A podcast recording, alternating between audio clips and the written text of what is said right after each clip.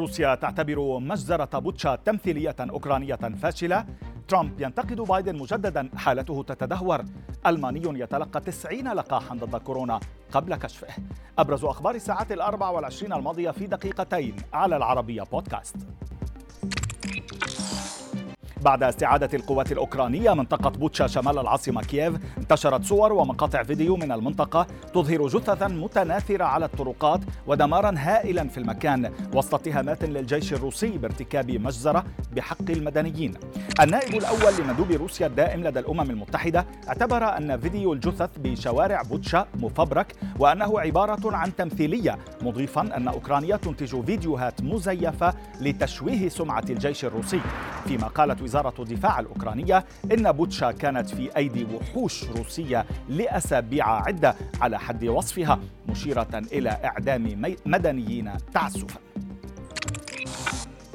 بشكل مفاجئ وعبر مقطع فيديو مسجل مسبقا ظهر الرئيس الأوكراني فولودومير زيلينسكي في حفل توزيع جوائز جرامي الموسيقية في الولايات المتحدة داعيا كبار الفنانين والجمهور إلى دعم بلاده. زيلينسكي طالب الموسيقيين برواية قصة بلاده وحقيقة الحرب وتحدث عن وفيات الأطفال في أوكرانيا نتيجة العملية العسكرية الروسية.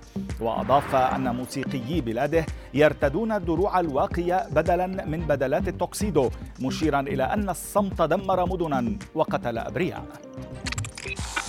من جديد عاد الرئيس الأمريكي السابق دونالد ترامب ليهاجم وينتقد جو بايدن قائلا إن حالة الرئيس الحالي الجسدية والعقلية تتدهور ولا يمكن فعل شيء حيال هذا الأمر على حد تعبيره.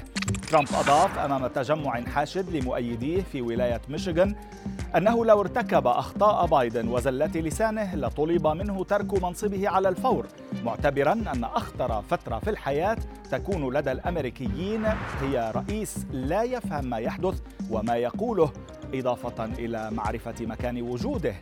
كما طالب ترامب مؤيديه بالتصويت له في نوفمبر ولفريقه في الانتخابات النصفية لوقف ما وصفه بالتدهور في البلاد.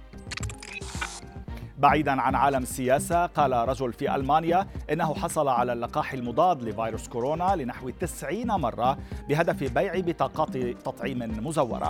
وكالة أسوشيتد بريس أفادت بأن الرجل البالغ من العمر 60 عاما تلقى التطعيمات في ولاية ساكسونيا على مدار أشهر قبل أن تقبض عليه الشرطة مشيرة إلى أنه كان قادرا على بيع مستندات مزورة تتضمن أرقاما حقيقية لدفعات اللقاح. لأولئك الذين لم يرغبوا في الحصول عليه فيما لم يتضح بعد تأثير عشرات الجرعات على صحة الرجل. وفي خبرنا الأخير تعمل شركة ديجيتال بلاتفورمز الروسية على تطوير نظير لمتجر تطبيقات جوجل بلاي الأمريكي. لذلك استعدادا لطرحه خلال شهر مايو المقبل.